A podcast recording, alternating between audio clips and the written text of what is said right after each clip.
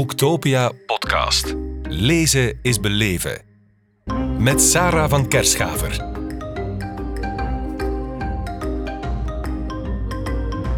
Rick Moons, welkom in onze podcast op Boektopia in Kortrijk. Jij schreef Domme vragen bestaan wel.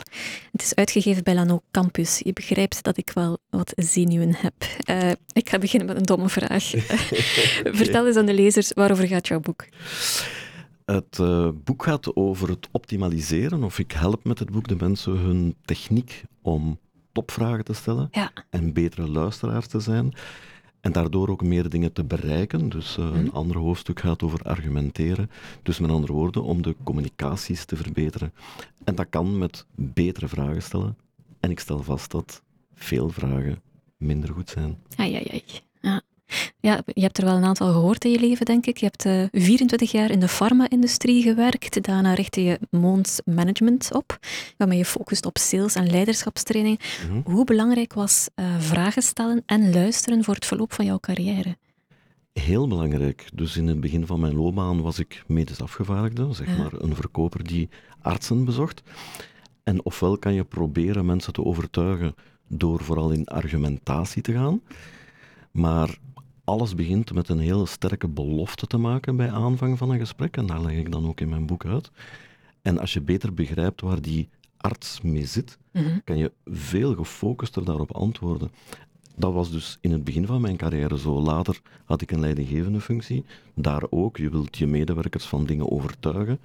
Maar als je beter begrijpt waar zij mee zitten, ja, dan kan je ze veel makkelijker, met veel minder inspanning eigenlijk, overtuigen om de betrokkenheid te verhogen, bijvoorbeeld. Maar het zijn dus allemaal kleine kneepjes om uh, te geraken op het punt waar je zou willen geraken zonder dat de ander het merkt. Enfin, nu klinkt het wel heel sneaky, maar...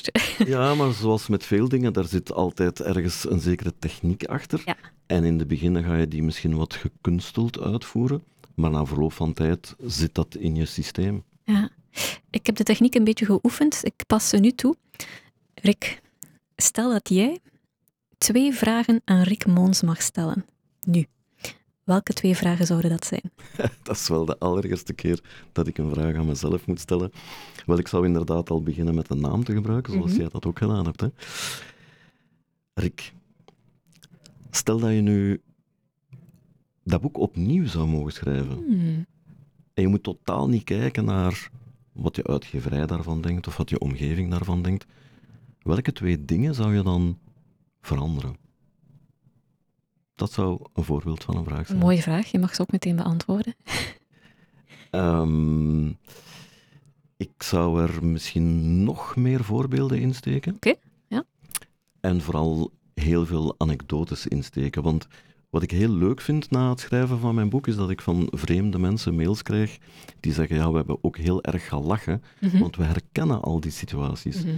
Situaties in de thuissituatie, situaties op het werk, een situatie met de partner, een situatie in de jeugdvereniging. Vooral situaties in winkels, hè, waar mensen ah, jou proberen te overtuigen. Ja, de jeansbroek-anekdote. Uh, ja, dus ik denk dat die, die grappige voorbeelden het, uh, het boek uh, extra leuk gemaakt hebben. Mm -hmm. Ja, dat snap ik. Want je wilde natuurlijk ook wel uh, natuurlijk doen. Hè? iets waar ik zelf bijvoorbeeld een hekel aan heb, is het gevoel krijgen dat je bijna in een spel stapt met iemand anders. Hè? De ander wil jou, kosten wat het kost, manoeuvreren in een bepaalde richting. Daar is toch niks spontaans aan.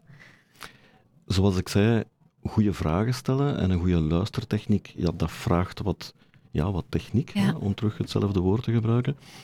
Maar als je dat een aantal keren gedaan hebt, dan gaat dat natuurlijk zijn. Ja, En de mensen gaan zich veel meer begrepen voelen. Mhm. En weet je, mensen willen best wel graag vragen beantwoorden om in gesprek te gaan, maar mensen willen niet het gevoel hebben dat ze ondervraagd worden. Ja. En hoe doe je dat? Dat doe je door met minder vragen te stellen, toch meer te weten te komen. Mhm.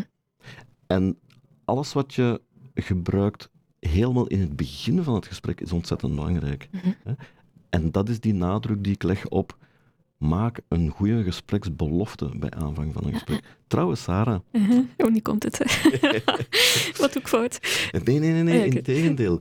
Um, ik wou wel eens weten, mhm. voordat we dit gesprek hadden, ben ik even dag komen zeggen. Dat klopt. En weet je nog wat ik toen gezegd heb? Ik ga er een heel tof gesprek van maken. Dat is een voorbeeld van het Ah, creëren van een sfeer. Ja. Hè? En de redenering daarachter is: het eerste wat iemand van een gesprekspartner koopt, is die persoon zelf. Ja, En in een winkel is dat net zo. In een one-to-one gesprek met een medewerker is dat net zo. In een moeilijk gesprek met eh, je baas bijvoorbeeld is dat net zo. Na enkele seconden, één minuut, is er een bepaalde sfeer ontstaan. En jij kan die sfeer de juiste richting induwen Mhm, mhm. van bij aanvang van het gesprek. Ehm, ja want ik, ik herinner me dat ik meteen dacht, ah fijn, oef, dat, dat wordt leuk. Een soort geruststelling bijna. Ja, Eh, en, en dat geldt voor iedereen, hè? Want, want ja, jij doet dit ontzettend goed. Ik heb al een paar van jouw podcasts gehoord ondertussen. Fijn, dankjewel. Je doet dat goed, maar desondanks twijfel ik er niet aan dat er toch altijd een beetje spanning bij jou zal zijn. En als je dan op voorhand van jouw gesprekspartner het gevoel krijgt van hmm, hier is een klik, dat Ja. gaat goed lopen, Ja. ja, dan ben je meer ontspannen en dan zal het inderdaad extra Ja. goed lopen. Oh, ik heb hier binnen een paar uur gedaan, we gaan een koffie gaan drinken en wat het gezellig. En Oké. Nee, nee, ehm, de, de vraag der vragen, eh, Rick, is natuurlijk de waarom-vraag. Is dat altijd een slechte vraag? Nee, ik, eh, er zijn twee dingen die ik heb trachten recht te zetten in mijn boek. Daar is zo de idee bij veel mensen dat gesloten vragen geen goede vragen zijn. Ik ben het daar niet mee eens. En dat waarom-vragen, ehm, ja, dat dat een beetje vijandig overkomt. Ik ben het daar niet mee eens. Ze hebben alle twee hun plaats. Gesloten vragen zijn belangrijk in de loop van een gesprek om op een zeker ogenblik te weten, gaan we de ene of de andere richting uit. En waarom-vragen zijn vaak noodzakelijk om diepere achtergronden te kennen. En het is verbazend, hè? ik heb in de afgelopen tien jaar ook zeer veel coachinggesprekken gevoerd met leidinggevenden. Het is verbazend dat die gesprekspartner twee tot drie, soms vier waarom-vragen nodig heeft, eer dat hij er eigenlijk zelf achter komt wat zijn remmende factoren zijn, bijvoorbeeld. Maar dat werkt alleen maar als je in een goede sfeer zit. En dus kom ik terug bij, zorg dat je een belofte uitspreekt bij aanvang van het gesprek. Stel weinig, maar zeer goede vragen. Hè? En ga pas helemaal op het einde, als je mensen wilt overtuigen van iets, ga helemaal op het einde pas jouw argumenten uitspelen, Mhm. maar overdrijf daar niet mee. Nee. De magie van drie. Maximum drie goede argumenten. Maximum. Misschien is één voldoende. Hebt nu een boek geschreven over goede vragen en slechte vragen en hoe de slechte vragen jou soms ook wel eens storen.